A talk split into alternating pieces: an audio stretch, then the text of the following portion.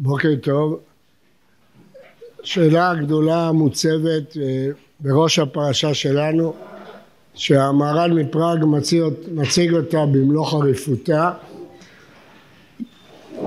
ויאמר השם אל אברהם לך לך מארצך ומולדתך ובית אביך אל הארץ אשר אראך ואשך לגוי גדול ואברכך ואגדלה שמך ויהיה ברכה כל זאת למה? מה הרקע? על נוח נאמר איש צדיק תמים היה. על חנוך נאמר שהוא התהלך לפני האלוקים. אבל על אברהם לא נאמר שום דבר. סך הכל מסופר שהוא נולד לתרח ושאחיו נחור. אז אם כן על מה הוא זכה להתגלות האלוהית מכל האנשים שהיו באותו זמן? על מה הוא זכה לברכות הנשגבות שמברכים אותו פה. על מה הוא זכה להיות אבי האומה הישראלית? אין על אברהם אף מילה במקרא לפני לך לך כל מה שיש זה תיאור הולדתו את מי הוא נשא לאישה ואיפה הוא נולד זהו. אז אם כן על מה נבחר אברהם? כך שואל המהר"ל מפראג והשאלה הזאת היא מאוד מאוד חריפה עכשיו אני רוצה להבהיר דבר שיש אנשים שלא מבינים. כמובן שכולנו מכירים את מדרשי החכמים ומקבלים אותם שבין שלוש שנים אברהם הכיר את בוראו, הרמב"ם פוסק את זה להלכה בהלכות עבודה זרה. אנחנו כולם מכירים את המדרש שהוא שיבר את הצלמים ושהוא היה בכבשן האש, גם את זה הרמב"ם מביא. אבל זה לא מקל על השאלה, זה מחמיר את השאלה דווקא בגלל שאנחנו מקבלים את מאמרי חז"ל התופעה בולטת לעין שהתורה לא מספרת על כך כלום.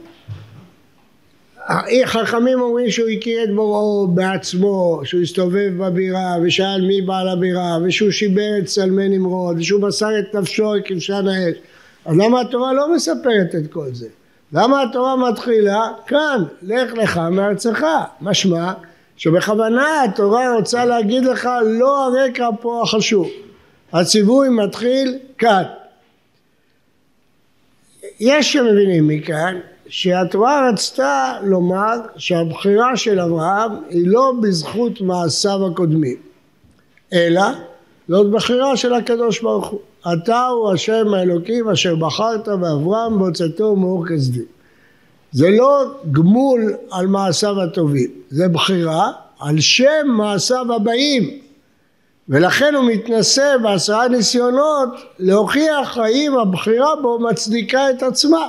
סוף סוף יש בחירה לאדם, אז גם אם השם בוחר בו, אם הוא לא היה מצדיק את הבחירה, אז היה נבחר מישהו אחר. הקדוש ברוך הוא בחר באברהם, אבל הוא מנסה אותו. אז זה מה שכתוב, אתה הוא השם אלוקים שבחרת באברהם. ומצאת את לבבו נאמן לפניך, אחר כך ניסית אותו בעשרה ניסיונות ומצאת שלבבו נאמן, שהבחירה הייתה נכונה, מוצדקת, ראויה, אבל לא בגלל מעשיו הקודמים נבחר אברהם, זה מאוד מאוד בולט בתורה, שהתורה לא מספרת אף מעשה מכל המעשים שהמדרשים מספרים.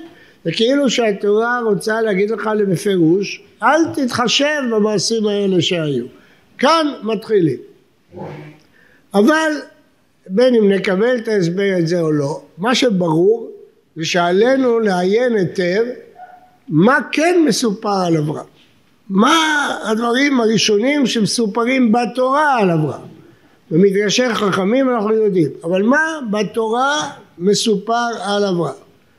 לכן הדבר הראשון שמסופר על אברהם זה הליכה לארץ ישראל. בזה מתחיל הסיפור. הסיפור מתחיל בציווי ללכת לארץ ישראל. ולפי עניות דעתי, מה שכתוב פה שהדברים החשובים ביותר הם שניים, ההליכה אחר השם, לך לך, תלך אחריי, בלי לדעת לאן, ההליכה אחר השם, וארץ ישראל, זה מה שהתורה רוצה, להגיד שכל ההיסטוריה הישראלית מתחילה בארץ ישראל. זה סותר על פניו לכל אלה שטוענים שארץ ישראל זה פרט מתוך תרי"ג מצוות, זה לא דבר מהותי או או ערך עליון על פני שאר הערכים. אבל אנחנו רואים פה שהתורה מקפידה שהסיפור של העם היהודי יתחיל בהליכה לארץ ישראל. פה מתחיל הסיפור. אחר כך הוא גלה וחזר וכן הלאה, אבל הסיפור, המעשה הראשון המסופר בתורה על תולדות עם ישראל, זה ההליכה לארץ ישראל. זה המעשה הראשון שהתורה מספרת. וכפי שאמרתי, זה כולל שני דברים. א', ההליכה אחר השם, שזה ערך עליון. ללכת אחר השם. לך לך, תעזוב את ארצך, את מולדתך, בית אביך, ולך אחריי. לאן? לאן שאני אוביל אותך. ההליכה אחר השם היא תמצית עבודת השם. התמצית של עבודת השם זה הליכה אחר השם בהתעלם מארצך, מולדתך, בית אביך, תלך אחריי. ובלי לדעת לאן, באמון. תן בי אמון. אמונה ואמון זה אותה המילה. תן בי אמון כשאני אומר לך ללכת. זה תמצית החיוב של עבודת השם. ללכת אחריו ולתת בו אמון, להאמין בו, לתת בו אמון. זאת אומרת שההתחלה, נקודת ההתחלה, אין פה נמרוד ואין פה כסדים ואין פה כבשן האש ואין פה הסתובב בבירה, יש בו דבר אחד, הליכה אחר השם בארץ ישראל.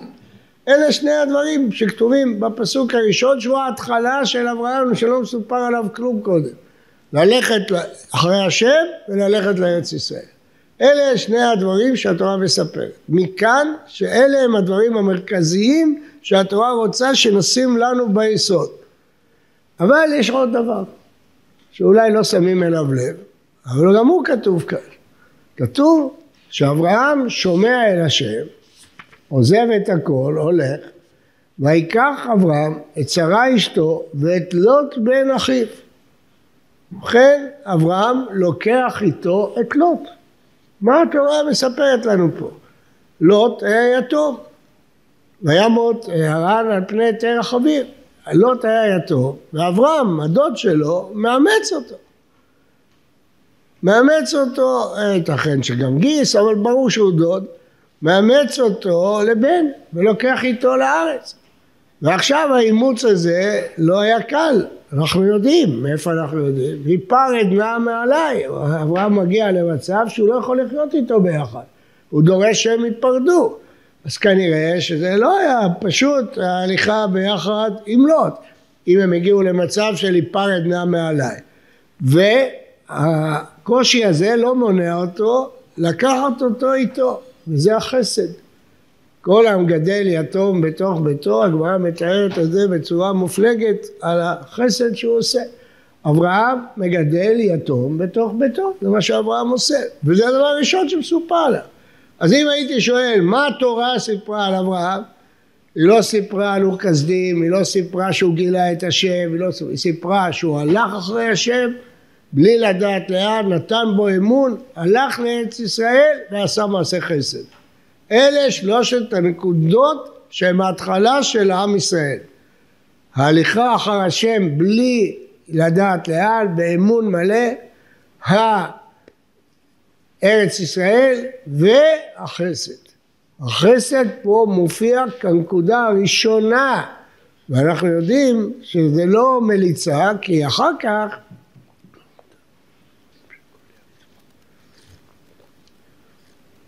זה לא רק שהוא לוקח אותו איתו, אלא הוא יוצא למלחמה נוראה נגד ארבעת המלכים שניצחו את החמישה, כל זה מסיבה אחת, וישמע אברהם כי שבו את לוט בן אחיו. אז הוא מוכן לצאת למלחמה קשה מאוד, עד דמשק, מלחמה בארבעת מלכים שניצחו חמישה מלכים שפה של בקעת הירדן, אז הארבעה מלכים האלה היו חזקים כמובן, מלכים זה לא במובן של היום, זה לא כנראה עמים מאוד מאוד גדולים, אבל לא חשוב, בתנאים של אז, במלחמה של אז, זה ארבעה מלכים שניצחו את החמישה, ואברהם יוצא לבד למלחמה נגדם, עם חניכי ביתו, למה? התורה אומרת למה, כי לקחו בשבי את לוט. זאת אומרת שהחסד שהוא עושה עם לוט לא נגמר בזה שהוא לוקח אותו איתו. החסד הזה ממשיך שהוא מוכן לצאת למלחמה כדי להציל אותו. זאת אומרת שמה שהתורה מספרת על אברהם, וזאת הנקודה שאני רוצה להדגיש, זה לא את הסיפורים שרבותינו מפרשים, שהיו, אנחנו מאמינים בדברי חז"ל, אבל התורה לא רוצה לספר אותם. ובגלל שאנחנו מאמינים במדרשי חז"ל, אז לכן זה עוד לא יותר בולט, שלמרות שזה קרה, התורה לא רוצה לספר אותם. כאילו היא אומרת לך, לא, זה לא מה שחשוב. לא זה מה שגרם, יש פה משהו אחר. השם בחר באברהם, והדבר הראשון שהוא עושה, שומע להשם, והולך לארץ ישראל, ועושה חסד. עכשיו ברור, כל מי שהעיניים בראשו, מבין שהיה לזה רקע, מה פתאום אה, השם נגלה אליו, הוא הולך, ברור שצריך להיות איזה רקע, שאברהם הכיר את בורו, אחרת מה פתאום הוא הולך אחרי איזה ציווי שהוא לא יודע ולא מבין, ברור שחז"ל צודקים שיש פה רקע, אבל התורה דווקא בגלל זה שיש רקע, בולטת העלמה שלה את הרקע ואת הנקודות שהיא מדגישה. ולפי זה הנקודות הן האמונה שקראתי לה אמון. אמון ואמונה בעברית זו אותה מילה. האמונה זה כשאתה נותן אמון. בנים לא אמון בם. אמון, אברהם נותן אמון בקדוש ברוך הוא. ואם הוא אומר ללכת, הוא הולך, עוזב את הכל והולך. זה אמונה. אמונה טוטאלית, גמורה, שכמובן השיא שלה בעקדת יצחק, מלך לך השני. אבל ההתחלה שלה פה, באמון מוחלט, לעזוב את כל מה שיש לך, ארצך, משפחה, בשביל מה? כי השם נגלה אליך ואתה הולך אחריו, בלי שאלות. למה? מה? מה אתה רוצה ממני? מה, מה, מה אני הולך לעשות שם? אין שאלות, יש אמון. אמונה זה אמון, הליכה אחרי השם. אז העמוד של האמונה הוא פה יסודי, והעמוד של החסד.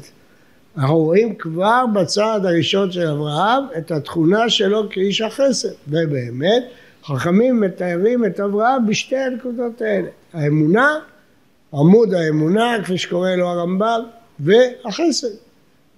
תיתן אמת ליעקב, חסד לאברהם, שזה הצעד הראשון, שהוא לוקח את בן אחיו איתו ומוסר את נפשו עליו.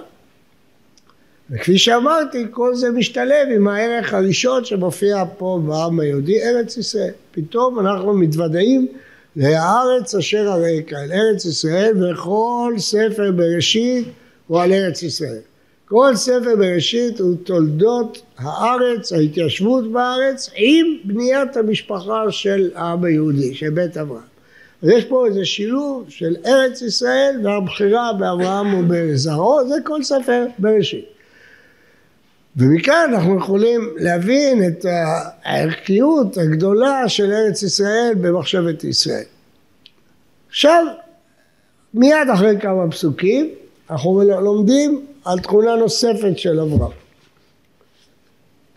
כתוב שהקדוש ברוך הוא מבטיח לאברהם את הארץ, ומיד בפסוק ח' ויעתק משם ההרה מקדם לבית אל, ויתר לו בית אל מים, והי מקדם ממש פה קרוב אלינו, ויבן שם מזבח להשם, ויקרא בשם השם. לכן אנחנו מוצאים את הפסוק, ויקרא בשם השם. אנחנו עוד לא יודעים על אברהם כמעט כלום, ויקרא בשם השם. ואחר כך, בצורה עוד יותר בולטת, והייתה אשל בבאר שבע ויקרא שם בשם השם אם אל עולם. לפני זה עוד כתוב אל מקום המזבח שעשרה ויקרא שם בשם השם ואחר כך והייתה אשל בבאר שבע ויקרא שם בשם השם אל עולם. הרמב"ם בחר לפתוח בפסוק הזה את אה, משנה תורה בשם השם אל עולם ויקרא שם בשם השם אל עולם, הקריאה של אברהם, אה, מלמדת אותנו על התכונה הבאה. אברהם לא משאיר את האמונה שלו לעצמו, הוא הולך וקורא בשם השם. הוא מגיע לארץ ישראל שהשם שלח אותו. הוא לא מכיר אף אחד, הוא לא יודע מי העמים שפה, מה טבעם. הוא מסתובב וקורא בשם השם. הוא רואה את זאת המשימה שלו. ויקרא שם בשם השם. וזו משימה שהרמב"ם רואה אותה כמשימה שלו. פותח את הספר שלו בשם השם אל עולם. הוא קורא בשם השם. הוא רואה לו למשימה לקרוא בשם השם. והתכונה הזאת מופיעה בתורה לראשונה. לא מצאנו מתחילת פרשת בראשית ועד כאן מישהו שקורא בשם השם. מצינו ויתהלך חנוך את האלוהים. את האלוהים יתהלך נוח, היא צדיק תמים, אבל לא מצאנו מי שהולך וקורא בשם השם. וייתכן שבאמת הצדיקים עד אברהם לא חשבו בכלל שזה תפקידם. חשבו שתפקידם להאמין בהשם, להתהלך איתו, לעבוד אותו. לא חשבו בכלל שיש מושג כזה ללכת ולקרוא לאחרים בשם השם. זה מושג שהמציא אברהם אבינו. ללכת ולקרוא בשם השם, לא רק להאמין בהשם, לא רק האלוהים אשר התהלכתי לפניו, אלא לקרוא בשם השם, לקרוא לאחרים לעבוד את השם. וזה חידוש שחידש אברהם אבינו. מניין למד אברהם אבינו את הדבר הזה? אולי באמת צדקו אלו שלפניו, שהאדם צריך להתהלך לפני אלוקים, מה לו ולאחרים, מה הוא צריך אה, את האחרים. דבר זה למדנו מדברי הרמב"ם בהלכות יסודי התורה, במצוות קידוש השם, במצוות אהבת השם גם, הרמב"ם מסביר שאהבת השם לא יכולה להגיע לשיאה רק כשאתה מאהב שם השם על אחרים. אתה מקדש שם שמיים. ואהבת, אומר הספרי, כמו ואהבת, תאהיב אותו על אחרים. מה פירוש הדבר? ומה הרמב"ם מתכוון שם? התשובה היא שהאהבה בשיאה היא לא כשאדם רוצה את זה לעצמו, זה כשאדם רוצה שכולם יאהבו. אם אדם לוקח דבר לעצמו, זה הוא לא באמת אוהב אותו, אוהב את עצמו. אבל אם הוא אוהב את הבריות, הוא רוצה שכולם יאהבו מה שהוא אוהב. הוא לא מסתפק בזה שהוא אוהב. ממילא מאיפה נובע, מאיפה נובע ויקרא שם בשם השם? מאהבת השם. אהבת השם כשהיא בשיאה מוכרחה להביא, לקרוא לאחרים לאהוב את השם. החידוש הזה כותב הרמח"ל בספר מסילת ישרים. שאהבת השם בשיאה מוכרחה לכלול שאתה רוצה שכולם יאהבו. אתה הולך וקורא בשם השם, אתה לא שומר את זה לעצמך. ממילא החידוש הזה שחידש אברהם, שהוא הולך וקורא בשם השם, בהחלט חידוש, הוא הראשון שעשה את זה, זה מפני שהוא הראשון שאהב את השם בכל ליבו לגמרי. טוטאלית, כפי שהתגלה אחר כך בעקדת יצחק. ואהבת השם הטוטאלית שלו מוכרחה להביא שהוא רוצה שכולם יאהבו, לקרוא בשם השם. הוא לא מסתפק באהבה העצמית שלו לשם השם. אז אם כן, אלה הדברים שלמדנו במילים הקצרות של תחילת הפרשה. למדנו את כל העקרונות החשובים. הליכה אחר השם בלי תנאים, מתוך אמון מוחלט. הדבר השני שראינו, ארץ ישראל, הליכה לארץ ישראל. הדבר השלישי שראינו, ולא צריך להזכיר פה, דברי הכוזרי, שארץ ישראל זה מקום שהשכינה שורה. הדבר השלישי, החסד, עמוד החסד אברהם שלוקח איתו את לוט. והדבר הרביעי זה שהוא קורא בשם השם. ואמרנו שהקריאה בשם השם נובעת מהאמון שיש לו בהשם, מהאמונה, מהאהבה, שכשהיא בשיאה היא מביאה לקרוא בשם השם. אבל זה קשור גם לתכונה השנייה שלו, החסד. הוא לא רוצה שלא תסתובב יתום מחרת, הוא לוקח אותו איתו, שלא יהיה לבד.